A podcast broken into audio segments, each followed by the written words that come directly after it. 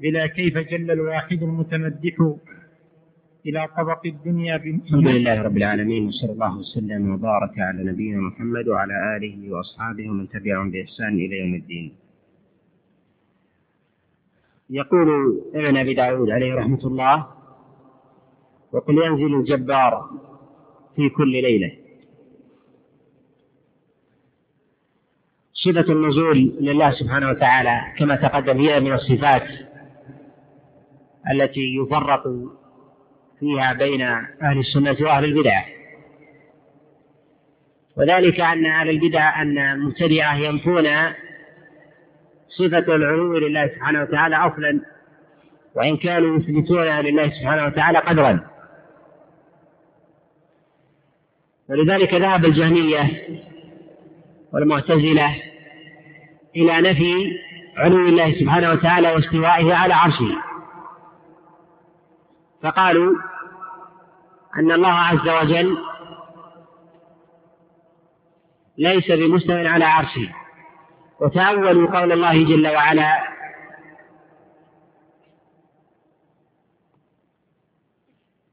في غير ما آية في كتابه العظيم بذكر الاستواء كقوله جل وعلا الرحمن على العرش استوى.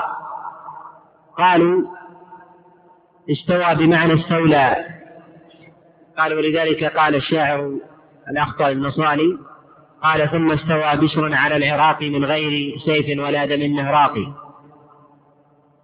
وهذا تحريف لكلام الله سبحانه وتعالى.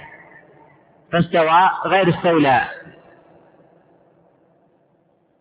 وقد شابهوا اليهود في تحريفهم لمعاني كلام الله سبحانه وتعالى فالله جل وعلا حينما أمر اليهود بقوله ادخلوا الباب وقولوا حطة دخلوا الباب وقالوا حنطة فزادوا حرفا كما زاد الجهمية حرفا في في استوى قالوا استولى فلام الجهمية كنون اليهود. تحريفا لكلام الله سبحانه وتعالى. وذلك أنه ينفون الاستواء ويجعلونه بمعنى استولى. وهذا يتضمن معنى فاسدا وهو أن استولى تدل على أن ثمة مالك متجبر قادر قبل الله وهذا معنى باطل من اعتقده كفر. ولذلك العلماء عليه رحمة الله تعالى متفقون على كفر الجهمية وإخراجهم من الإسلام. والله جل وعلا لعلوه مكانا وقدرا واستوائه على عرشه حقيقة ينزل كل ليلة إلى السماء الدنيا. والسماوات أطباق سماء تليها سماء كما جاء في قصة الإسراء والمعراج. ونزول الله سبحانه وتعالى إلى السماء الدنيا نزولا يليق بجلاله وعظيم سلطانه. ومن نفى نزول الله سبحانه وتعالى كالجامية وغيرهم وذلك لأنه تضمن معنى فاسدا في قلوبهم من التشبيه.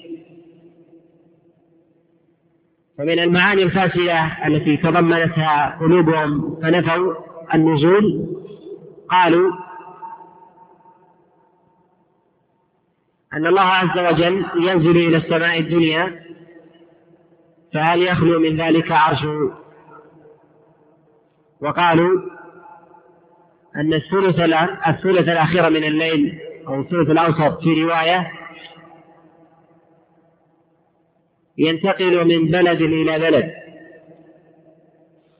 فهل يقال أن الله عز وجل ينزل على الدوام وينافي ذلك استواءه على عرشه؟ فيقال أن هذا إنما استقر لدى المبتدعة لأنهم قد شبهوا الخالق بالمخلوق.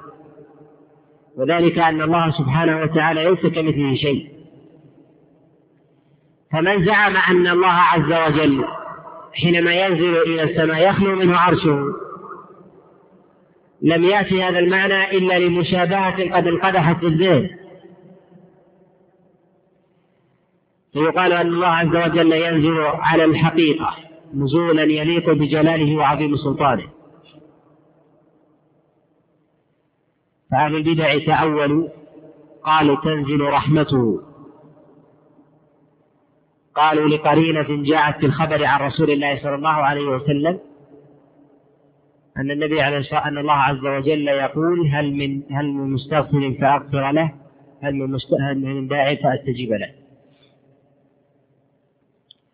قالوا وهذا المراد بالنزول. وهذا تأويل للصفة عن وجهها وهو تعطيل للمعنى أيضا. فالله سبحانه وتعالى ينزل على الحقيقة كما هو الأصل. وقد جاء في ذلك أحاديث عن رسول الله صلى الله عليه وسلم وجاء ذكر النزول في ثلاثة أوقات في الليل. جاء أنه في الثلث الأخير من الليل وجاء أنه في الشطر الأخير من الليل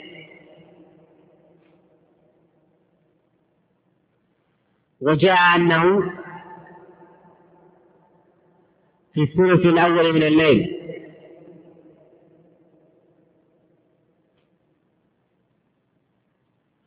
وثمة رواية رابعة أنه جاء في إذا مضى الثلث الأول من الليل فيبقى الثلثان ينزل فيهما الله سبحانه وتعالى.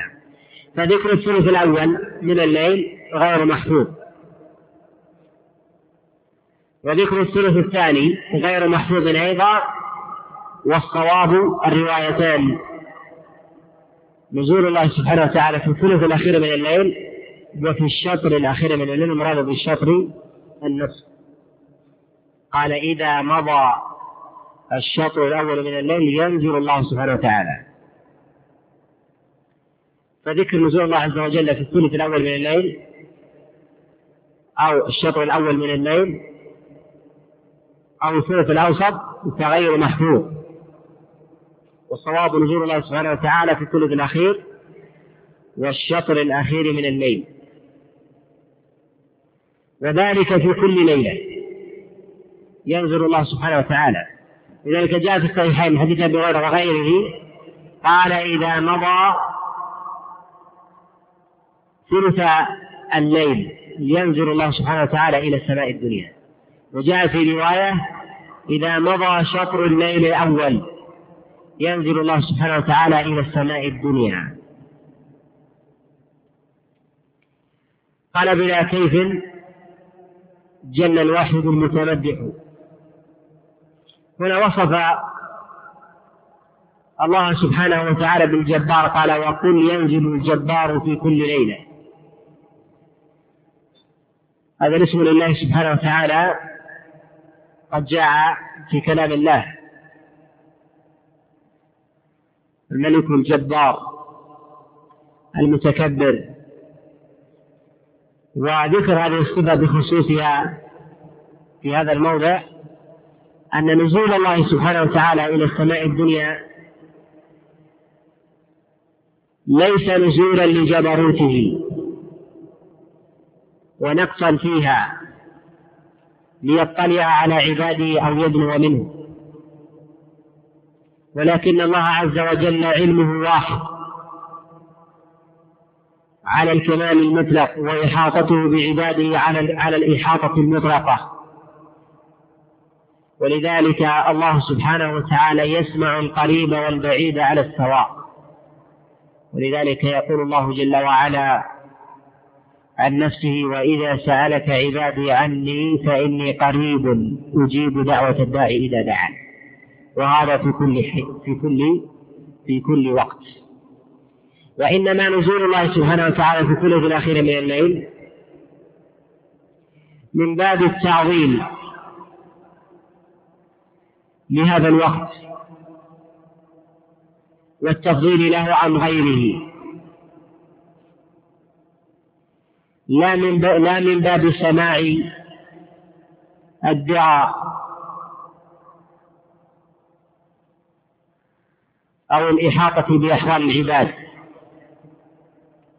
كما تبادر هذا المعنى إلى أذهان بعض المبتدعة فنفوا النزول كله.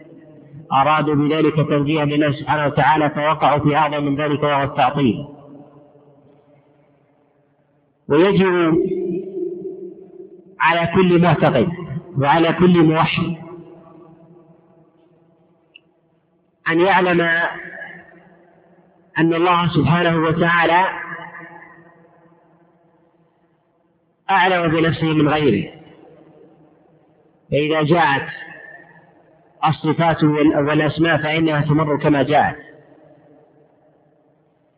وأن رسوله عليه الصلاة والسلام أعلم الخلق بالله وأدراهم به. فإذا لم يأت عن رسول الله صلى الله عليه وسلم شيء مما يخالف الحقيقة من تعويل أو تشبيه فالواجب على المؤمن في ذلك الاتباع. وأن يعلم أيضا أن الله سبحانه وتعالى فوق ما يتخيله الإنسان. وهذه قاعدة عامة لو لو طبقها الإنسان وطبقها المسلم في كل صفة لسلم له دينه. ولا أنصف في باب الأسماء والصفات. فعليه أن يعتقد أن الله عز وجل فوق خياله. وأن أهل البدع ما وقعوا في بدعتهم إلا من هذا الباب.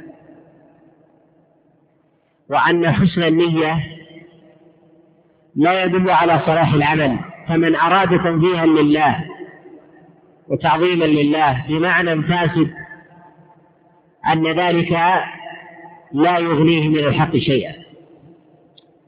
ولذلك بشر المريسي عليه لعنة الله أراد تعظيم الله سبحانه وتعالى وأن الله عز وجل مع عباده في كل مكان. فحين سجوده دفعه ذلك المعنى وذلك التعظيم إلى مخالفة الصريح لما جاء النبي عليه الصلاة والسلام فيقول في سجوده سبحان ربي الأسفل. أي أن الله عز وجل مع عبده في علو وفي ذنوب. والذي حمله على ذلك تنزيه الله عز وجل. وهذا من أعظم مداخل الشيطان. ولذلك الله سبحانه وتعالى بين ضلال كفار قريش ومروقهم من الحق إلى الباطل وثبوت كفرهم وضلالهم مع أن الله عز وجل وصفهم بقوله وهم يحسبون أنهم يحسنون صنعا. فاعتقاد الإنسان وظنه سلامة ما في قلبه بهذا الفعل وصلاح نيته لا يدل على صلاح العمل. لو دل على صلاح العمل لدل على نجاة وصلاح كفار قريش ولما كفروا وخرجوا من الإسلام لأنهم أرادوا بذلك تقربا إلى الله عز وجل وإحسانا.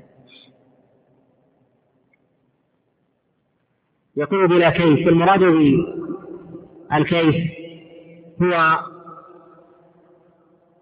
السؤال عن الكيفية. والكيف هو السؤال بكيف. فتقول كيف ينزل؟ كيف يتجلى؟ وكيف يرى؟ وكيف يسمع؟ وكيف يبصر؟ هذا السؤال بدعة. ولذلك قد جاء المنع من ذلك عن السلف. ويكفي في ذلك عدم وروده عن الصحابة وعن وعن بل عن النبي عليه الصلاة والسلام. وذلك أن الكيف ينافي قول الله سبحانه وتعالى ليس كمثله شيء. وأن الله عز وجل لا تدركه الأبصار. ولا تدرك حقيقته العقول. وأن الله سبحانه وتعالى لا يرى في هذه الدنيا. ولذلك قال المصنف هنا بلا كيف أي أن التكييف محال. فمن سأل بكيف فإنه يريد السؤال عن الحال والسؤال كذلك عن المثلية والنظير وهذه منتفية عن الله سبحانه وتعالى. ولذلك قد ثبت عن ربيعة ربيعة الرأي شيخ الإمام مالك عليه رحمة الله أنه سئل عن الاستواء. فقال الاستواء معلوم. والإيمان به واجب. والكيف مجهول. والسؤال عنه بدعة.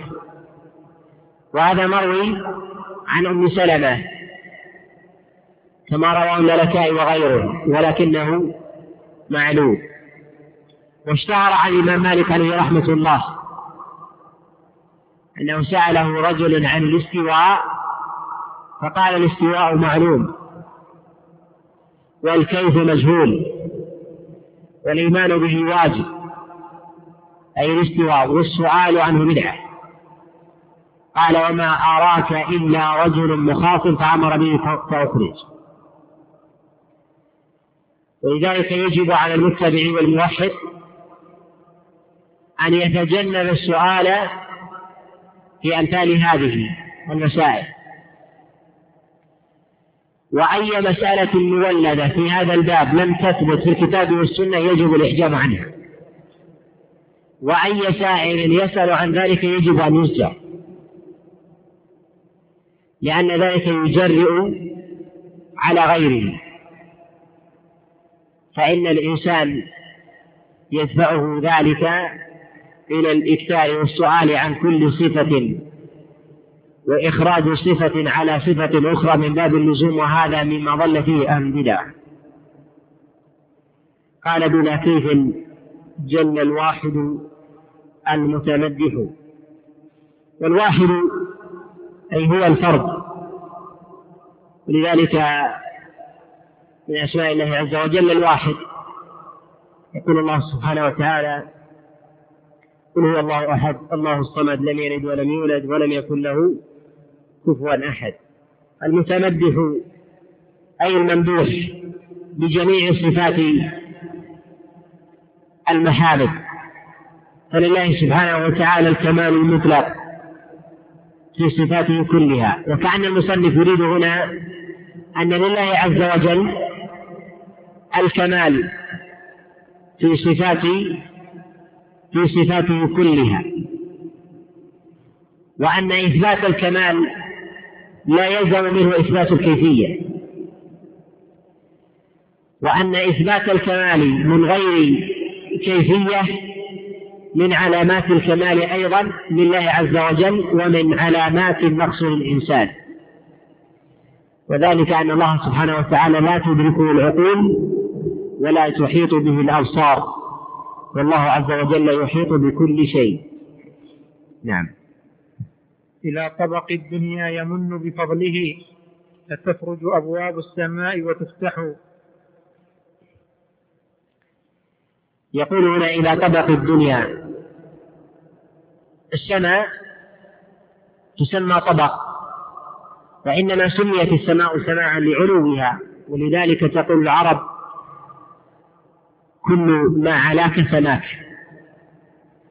ولذلك يسمى الجو سماء والسحاب سماء ولذلك وصف الله عز وجل الطير أنها في جو السماء. ولذلك يسمى أيضا السقف سماء لعلوه وارتفاعه يقال سما فلان سموا إذا ارتفع وعلا عن غيره لمكانته ومنزلته. لذلك تسمى السماء من هذا الوجه. وتسمى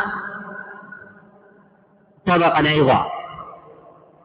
لأن السماء طبقا كما وصفها الله سبحانه وتعالى إلى طبق الدنيا أي مما كان قريبا من الدنيا. وهي السماء الدنيا. يمن بفضله. أراد بذلك أن يبين بقوله يمن بفضله. أن نزول الله سبحانه وتعالى إلى السماء الدنيا منة لعباده ورحمة بهم لا لحاجة ونقص كما تقدم. وأن ذلك من الفضل الذي أراده الله سبحانه وتعالى لعباده. وأن الله عز وجل لا يريد بذلك سماع شكوى وسماع دعاء ونحو ذلك ولكنه رحمة بعباده وفضلا ومنة. قال فتفرج الأبواب فتفرج أبواب السماء وتفتح. السماء لها أبواب. وهذا ثابت في أحاديث كثيرة. منها ما جاء في الصحيحين. من حديث أنس أن النبي عليه الصلاة والسلام استفتح لما كان معه جبريل استفتح له أبواب السماء. ولذلك يقول الله سبحانه وتعالى لا تفتح لهم أبواب السماء ولا يدخلون الجنة. النبي عليه الصلاة والسلام لما عرج به جبريل إلى السماء يستفتح كل سماء فيقول له الملائكة من فيقول جبريل هل معك من أحد؟ فيقول محمد. فيفتح له. وهذا يدل على على أن السماء حسية حقيقية وأنها مغلقة ولها أبواب.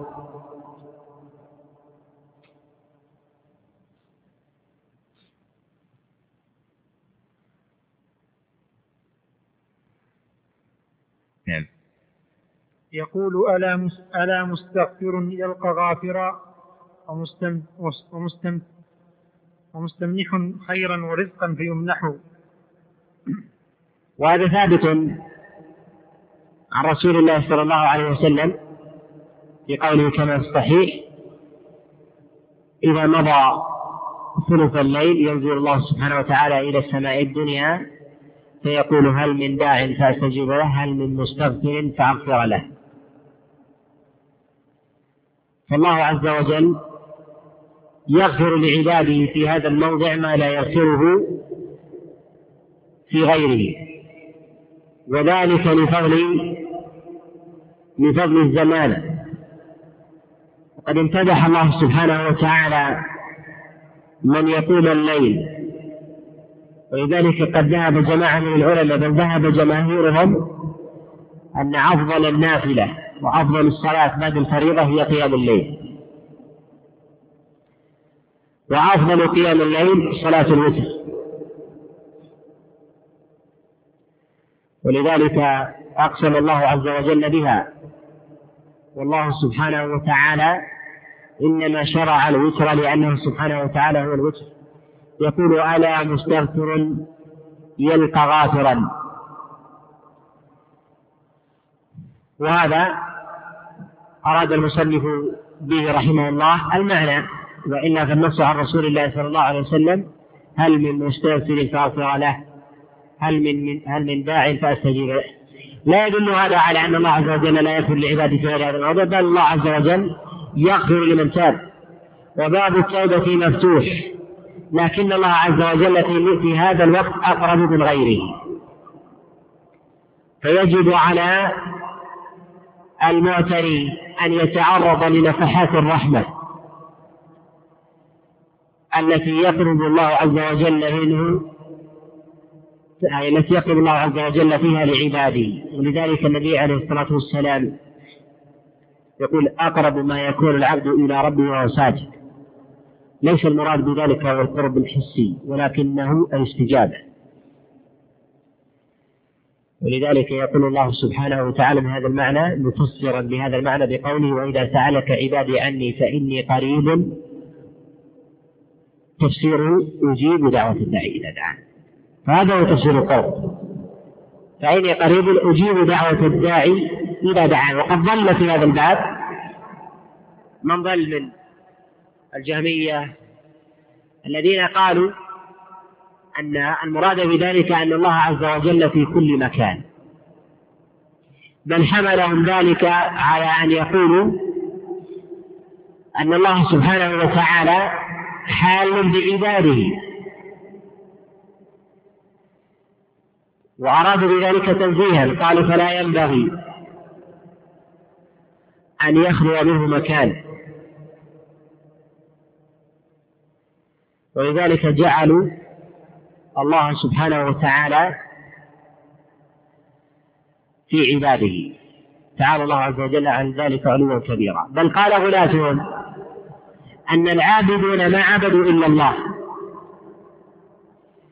ولذلك حار بعضهم فأنشد قائلا العبد رب والرب عبد فيا ليت شعري من المكلف. واستدلوا ببعض الظواهر من القرآن كقول الله سبحانه وتعالى وقضى ربك ألا تعبدوا إلا إياه قالوا قضى والقضاء هو القدر فيدل على أن الله قدر ولا يكون إلا ما قدر.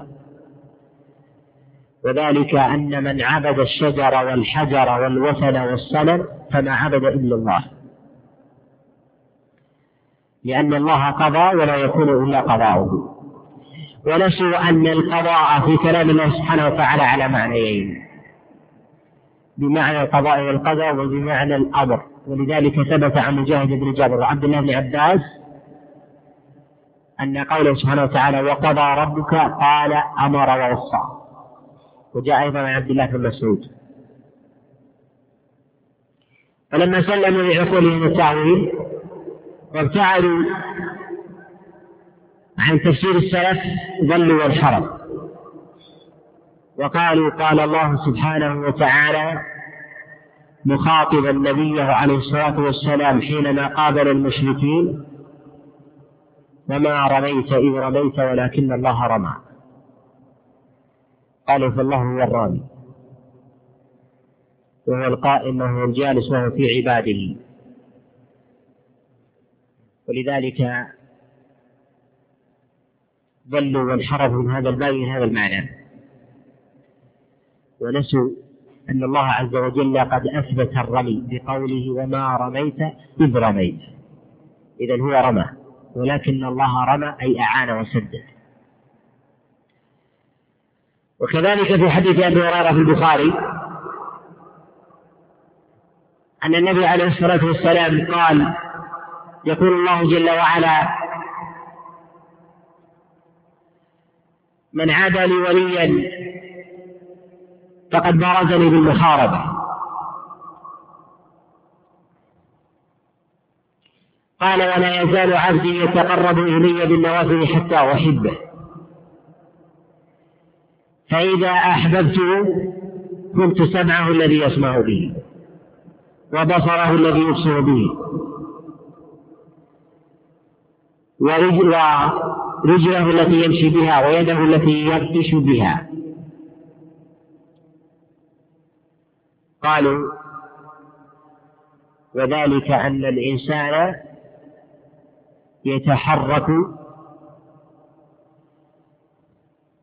بالله سبحانه وتعالى وأن الله عز وجل حال فيه. وهذا هو مذهب الاتحادية والحلولية قال الله عز وجل حال ومتحد بخلقه. وهذا معنى كفري. هو الذي ذهب إليه غلاة المتصوفة في هذا العصر. الذين يرون أن الله عز وجل يحل في ذوات الأولياء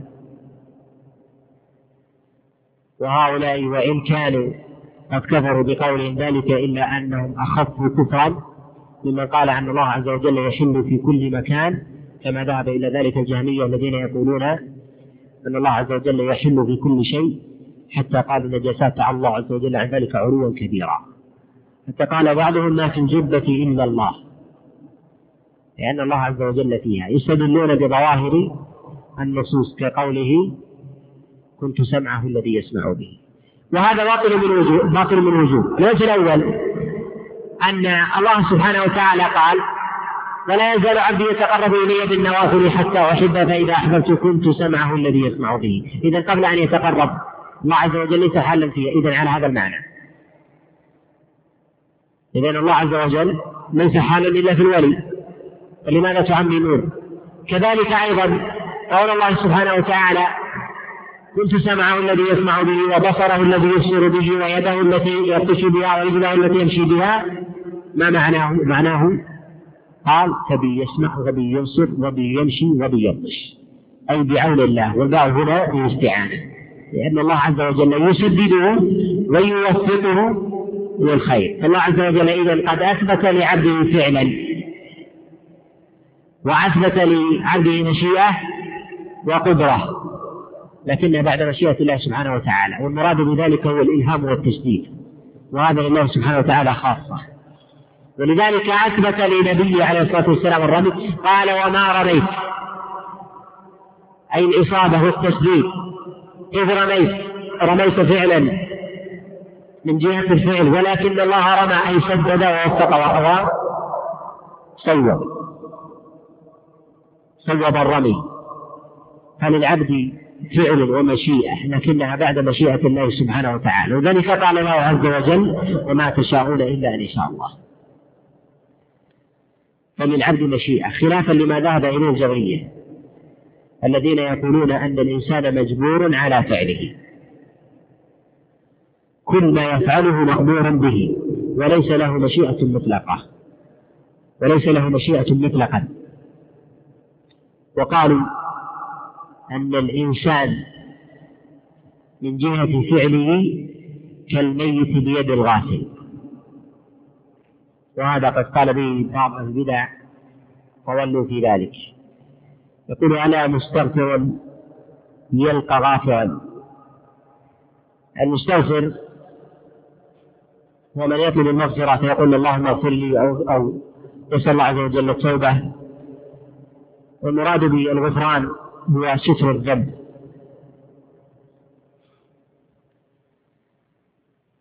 ولذلك يسمى المغفر مغفرا وذلك أنه يستر الرأس حال الحرب. لذلك النبي عليه الصلاة والسلام دخل مكة وعلى رأسه المغفر أي أن يغطيه عن أن يصاب. ولذلك الإنسان يسأل الله عز وجل ستر الذنب. قد استدل بهذا المعنى من قال من السلف أن الاستغفار لا يعني محو الذنب من الصحيفة ولكنها تستر وتغطى. قالوا فمن استغفر من ذنبه فإنه يسأل ويقرر به يوم القيامة لكنه لا يعذب به. يقال فعلت كذا وكذا يوم كذا وكذا لكن الله عز وجل لا يعذبه بذلك. هذا قد روي عن غير واحد من السلف كالحسن البصري وغيره. والذي عليه جمهور العلماء أنها تمحى. ولذلك قد جاء النبي عليه الصلاة والسلام أنه قال الإسلام يجب ما قبله والهجرة تجب ما قبلها والحج يجب ما قبله كما جاء في حديث عبد الله بن عمر بن العاص كما في صحيح في صحيح الإمام مسلم عليه رحمة الله. والمستغفر حينما يستغفر الله عز وجل من ذنبه فإن كان صادقا في توبته منيبا عازما على عدم الرجوع فإن الله عز وجل يغفر له ذلك الذنب شريطة أن يكون ذلك الذنب من حقوق الله عز وجل لا من حقوق الناس. أما حقوق الآدميين فلا تغفر وهي خارجة من المغفرة. فالديون والتعدي على الناس بالدماء بدمائهم وأعراضهم وأجسامهم لا يغفر للإنسان إلا بحالين. الحالة الأولى بإعادة الحقوق إلى أهلها الثانية بالقصاص إن كانت ممن يكون فيه القصاص بالدماء والجروح أما ما عدا ذلك فلا تذهب إلا بالاستحلال أن يستحل الإنسان من صاحب الحق سواء كان مالا أو دما.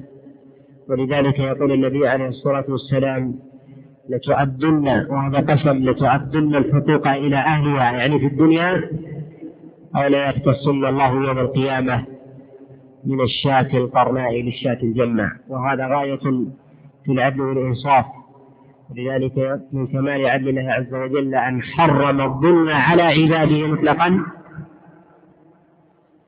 كما قال الله سبحانه وتعالى يا عبادي إني حرمت الظلم على نفسي وجعلته بينكم محرما فلا تظالموا. يلقى غافرا أو سافرا لذنبه وعيوبه قال مستمح أي طالبا خيرا. ويطلب من الله عز وجل منحه من منح الدنيا والآخرة. فيطلب رزقا ومعاشا وفي هذا إثبات كمال ربوبية الله عز وجل وألوهيته. ولذلك الدعاء لله عز وجل هو أعظم أنواع العبادة. ولذلك يقول النبي عليه الصلاة والسلام كما في حديث النعمان في السنن وغيرها الدعاء هو العبادة. فمن دعا الله عز وجل فقد صرف أكمل العبادة لله سبحانه وتعالى. فمن سأل الله عز وجل ساجدا أو رفع يديه فهو ضمن يثبت أن الله عز وجل يسمعه وأن الله يراه وأن الله قادر على إعطائه سؤله فلا يسأل إلا القادر. فهو يثبت لله عز وجل ربوبية وألوهية وأسماء وصفات. الله عز وجل يعلم ويسمع ويبصر مكانه وأنه قادر على الإجابة ولذلك كان الدعاء أعظم أنواع العبادة. ولذلك جعل النبي عليه الصلاة والسلام العبادة كلها بقوله الدعاء العبادة وقد جاء في السنن تعظيم هذه العبادة وأن الله عز وجل إن لم يسأل يغضب. ولذلك قال النبي عليه الصلاة والسلام من لم يسأل الله يغضب عليه. لذلك ينبغي الإنسان أن يكثر المسألة لله سبحانه وتعالى.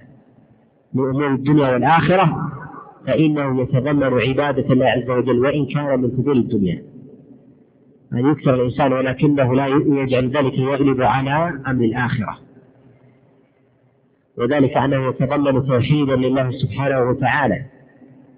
والله عز وجل يحب أن يسأل. قال ومستمح خيرا ورزقا.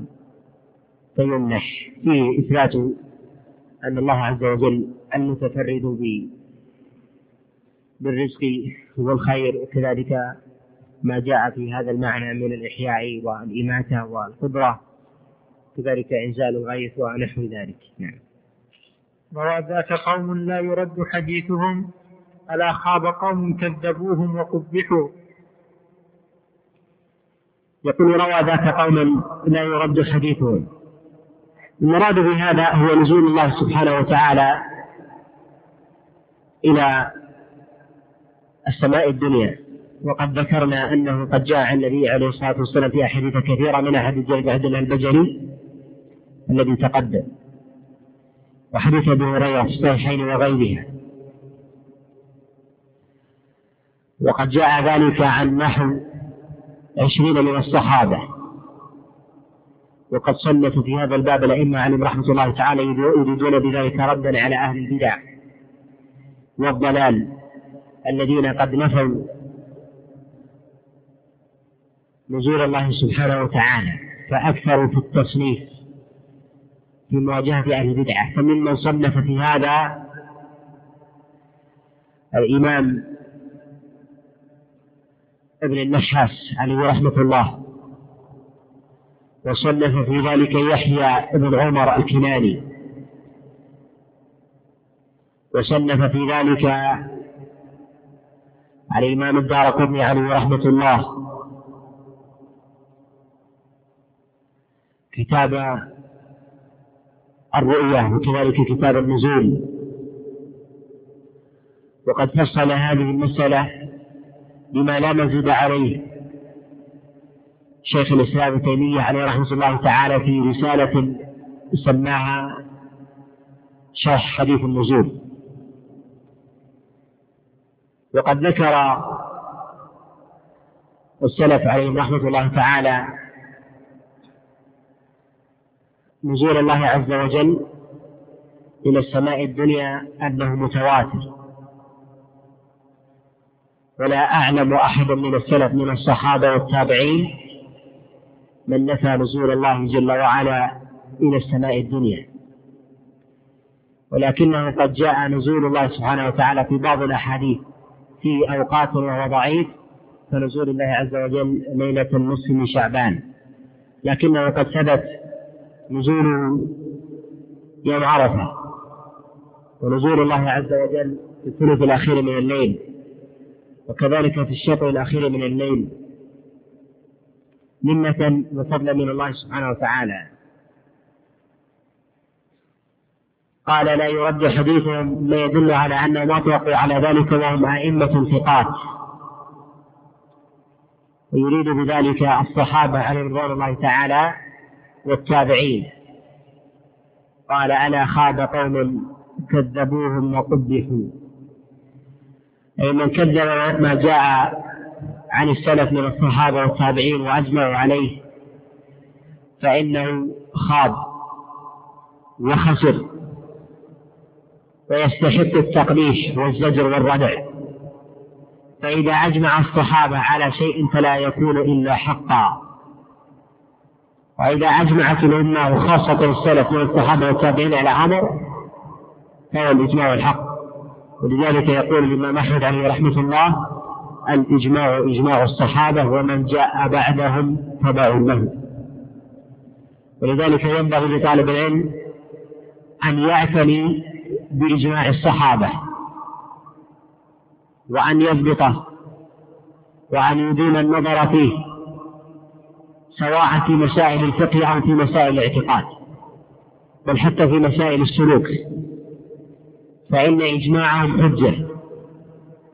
وأن أي خلاف يطرأ بعد ذلك فهو خلاف مردود مهما كان قائل.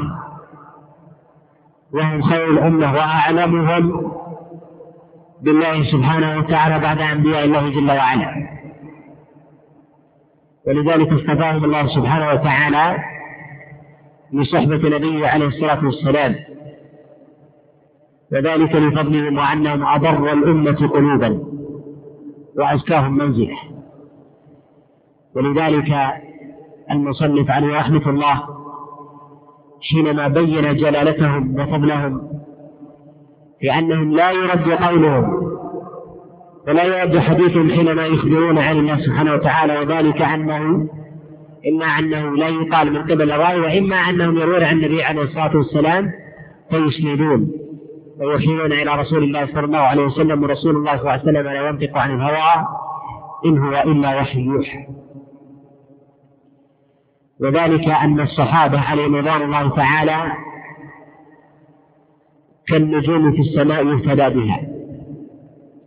فقد روى الإمام مسلم عليه رحمة الله في صحيحه أن رسول الله صلى الله عليه وسلم صلى مع أصحابه المغرب ثم ذهب إلى داره ثم رجع إلى صلاة العشاء فوجدهم مكانه.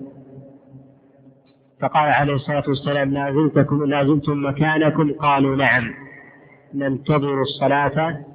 فنظر رسول الله صلى الله عليه وسلم إلى السماء فقال النجوم أمنة للسماء فإذا ذهبت النجوم أتى السماء ما توعد وأنا أمنة لأصحابي فإذا ذهبت أتى أصحابي ما يوعدون. وأصحابي أمنة لأمتي فإذا ذهب أصحابي أتى أمتي ما يوعدون. وقد صدق رسول الله صلى الله عليه وسلم. فلم ينقضي أجلة الصحابة وكبراءهم إلا وقد دبت الفتنة ووقعت الفرقة. وكلما مضت السنون في عصر الصحابة عليهم رضوان الله تعالى إلا وقد زادت الفتنة والفرقة. وذلك يدل على فضل هؤلاء الأخيار وأنهم إنما فضلوا على غيرهم لا لأشخاصهم ولكن لقلوبهم وأنهم عاينوا التنزيل وأبصروه.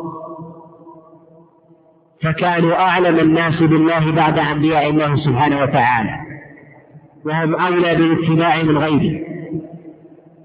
فلا يكون فعلا يفعله الصحابة عليهم رضوان الله تعالى فيكون بدعة أبدا. وذلك أنه خير السلف. ولذلك يقول النبي عليه الصلاة والسلام لا تسبوا أصحابي.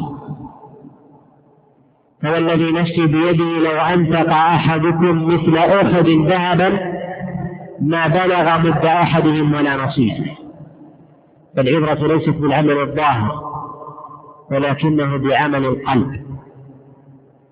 فلا يتجرأ على قول يفعله أحد من الصحابة أو يقول به أن يكون فاعله مبتدع. وإن كانت العبرة بالسنة بالاقتداء بها. لكن هؤلاء لمنزلتهم وعلوم مكانتهم وشرفهم وفضلهم وأن الله عز وجل قد زكاهم في كتابه فرضي عنهم وأخبر أنهم راضون عنه. وهذا الوصف لا يكون إلا لمن عالت منزلته وارتفعت مكانته أن يوصف بأنه راض عن الله سبحانه وتعالى. ولذلك يقول الله جل وعلا رضي الله عنهم ورضوا عنه بمكانتهم ومنزلتهم عند الله سبحانه وتعالى. ولذلك في هذا الباب أي في باب الاعتقاد وباب الأسماء والصفات لا حجة في قول أحد من الناس إلا في الكتاب والسنة وما ينقله الصحابة وإنما قيد ذلك أن هذا لا يكون من قبيل الرأي وإنما يكون من قبيل الوحي المنقول عن رسول الله صلى الله عليه وسلم. فبين عليه رحمة الله تعالى أن أولئك لا يرد حديثهم إما لصحبتهم وإما لجلالتهم وفضلهم ومكانتهم من أئمة التابعين وأنهم من جملة الثقات فلا يرد حديثهم حينئذ بكل حال. فمن خالفهم قد خاب ومن كذبهم فإنه يستحق التقبيح والذم لأنه بذلك قد خالف الكتاب والسنة فإنهم خير حملة. ولذلك يقول النبي عليه الصلاة والسلام خير القرون قرني. ثم الذين يلونهم ثم الذين يلونهم والمراد بالقرن في هذا الخبر ليس هو مئة سنة كما اصطلح عليه المؤرخون من المتأخرين. المراد بالقرن هنا هي حقبة زمنية. قيل أنها عشرون سنة وقيل أنها ثلاثون. والصواب أنها أنها عشرون سنة. فالمراد بالقرن خير القرون قرني أي من كان مع النبي عليه الصلاة والسلام ثم الذين يلونهم ثم الذين يلونهم. فقد تزيد وقد تنقص عن ذلك. ولذلك يسمي بعض السلف الطبقة هي العشرة أو خمسة عشر سنة كما روي ذلك عن عبد الله بن عباس وعن إكرمة غير عبد الله بن عباس وغيرهم من السلف.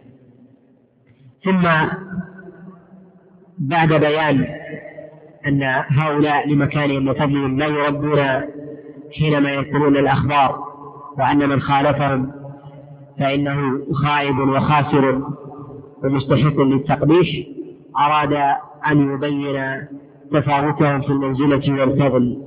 نعم. وقل إن خير الناس بعد محمد وزيراه قدما ثم عثمان الأرجح ورابعهم. يقول وقل إن خير الناس بعد محمد وزيراه قدما ثم عثمان الأرجح وزير رسول الله صلى الله عليه وسلم هما أبو بكر وعمر. وعندما يسمى الوزير وزيرا لأنه يشد به الأجر فإن هذين هما أعظم أصحاب رسول الله صلى الله عليه وسلم معاذرة لرسول الله. وشدا له. ولذلك كان أفضل الخلق بعد رسول الله صلى الله عليه وسلم من أمته وذلك أنهما قد بلغا درجة الصديقية. فنصر رسول الله صلى الله عليه وسلم حينما كان بحاجة إلى النصر. فأبو بكر نصره وعاذره بمكة فهو أول من آمن به من الشيوخ وكان صاحبه في الغار. وذكره الله عز وجل إشارة في كتابه العظيم وكفى بذلك منة وفضلا ومنقبة وكان خليفة رسول الله صلى الله عليه وسلم للمسلمين في صلاة الجماعة حينما يمرض رسول الله صلى الله عليه وسلم. والنبي عليه الصلاة والسلام يقربه ويقدمه حتى في الذكر فحينما يذهب يذهب هو وأبو بكر. وإذا أراد أن يذكر أحدا من الصحابة وأبو بكر فيهم فيقول أبو بكر وفلان. وإن كان عمر فيهم قال أبو بكر وعمر وفلان. وذلك لمكانتهم وفضلهم. ولذلك أجمع الصحابة عليهم رضوان الله تعالى على استحقاق أبي بكر بالخلافة بعد وفاة رسول الله صلى الله عليه وسلم. الصحابة عليهم رضوان الله تعالى كلهم عدول. ومن قدح فيهم فقد ضل وغوى. وسلك طريق المبتدعة من النواصب والروافض الذين كانوا بين طرفي نقيض فمن نادح لقوم وقاعد في قوم. ومنهج أهل السنة في هذا الباب أن يترضى على الصحابة كلهم. وأن يمسك عما شجر بينهم من خلاف وأن يعتقد أن أفضل أصحاب رسول الله صلى الله عليه وسلم هم أهل البيعة أهل الشجرة وأن أفضل أهل الشجرة هم العشرة المبشرون بالجنة وأن أفضل العشرة المبشرين بالجنة هم الخلفاء الراشدين الأربعة. وأن أفضل الخلفاء الراشدين هم أبو بكر وعمر ثم عثمان ثم علي بن أبي طالب. ولذلك ثبت عن عبد الله بن عمر عليه رضوان الله تعالى كما رواه ابن سعد وأبو نعيم في الحلية من حديث نافع عن عبد الله بن عمر أنه قال كنا على عهد رسول الله صلى الله عليه وسلم نفضل فنقول أبو بكر ثم عمر ثم عثمان ثم نمسك لا نفضل ورسول الله صلى الله عليه وسلم بين أظهرنا وهذا دليل على الإقرار. فمن طعن في أصحاب رسول الله صلى الله عليه وسلم فإن ذلك علامة الهلاك. مخالف عاص لكلام رسول الله صلى الله عليه وسلم إذ قال لا تسبوا أصحابي والذي نفسي بيده لو أنفق أحدكم مثل أحد ذهبا ما بلغ مد أحدهم ولا نصيبه والأحاديث في فضل أصحاب رسول الله صلى الله عليه وسلم أكثر من أن تذكر. الحديث في هذا الباب بحاجة إلى مجلس كامل نتكلم عليه في المجلس الآتي بإذن الله تعالى. الآن نجيب على ما ورد من أسئلة.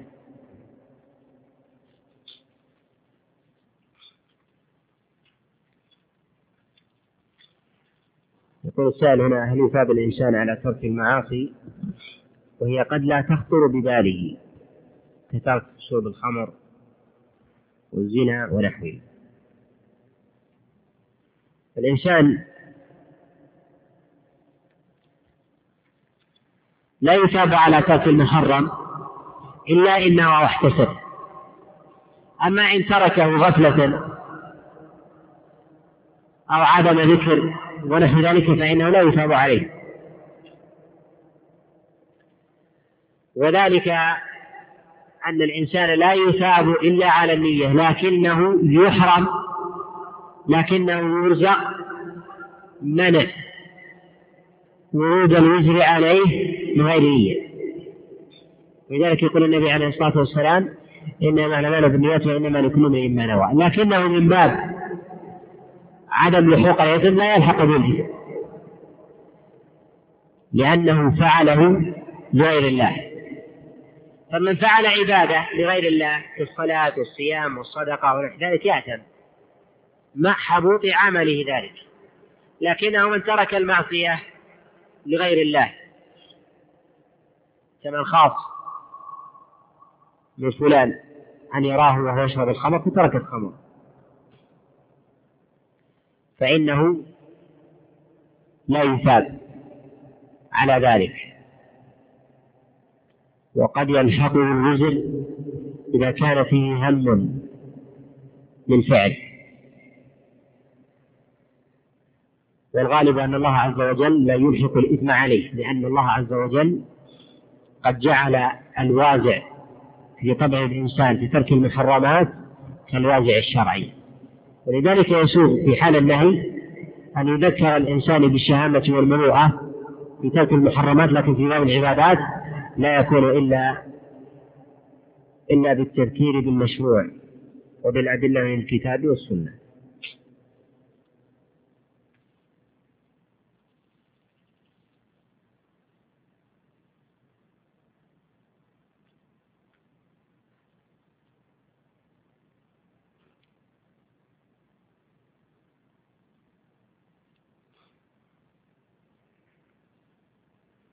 السؤال هل رؤية الله سبحانه وتعالى يوم القيامة وفي الجنة لوجه الله سبحانه وتعالى فقط؟ الإنسان يمسك عما زاد عن النفس فيثبت لله سبحانه وتعالى الرؤية أن الله عز وجل يرى.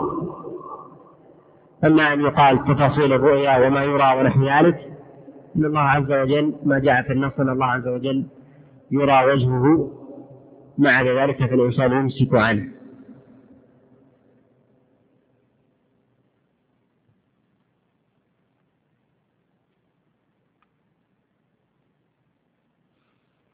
يقول هل استمع من الأشياء التي بناها الله عز وجل بيده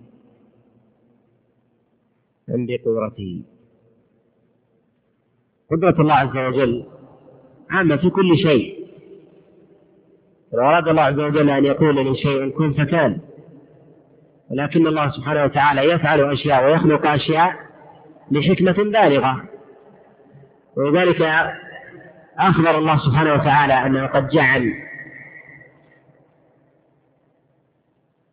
خزنة جهنم